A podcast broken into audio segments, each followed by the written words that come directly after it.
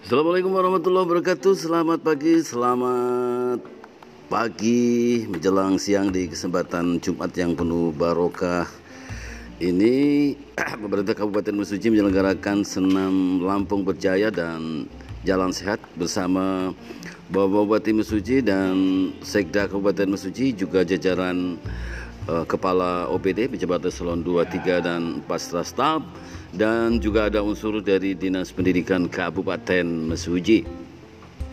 Tampak hadir eh, beberapa eh, anak-anak SMP di uh, halaman Pemkap Kabupaten Mesuji.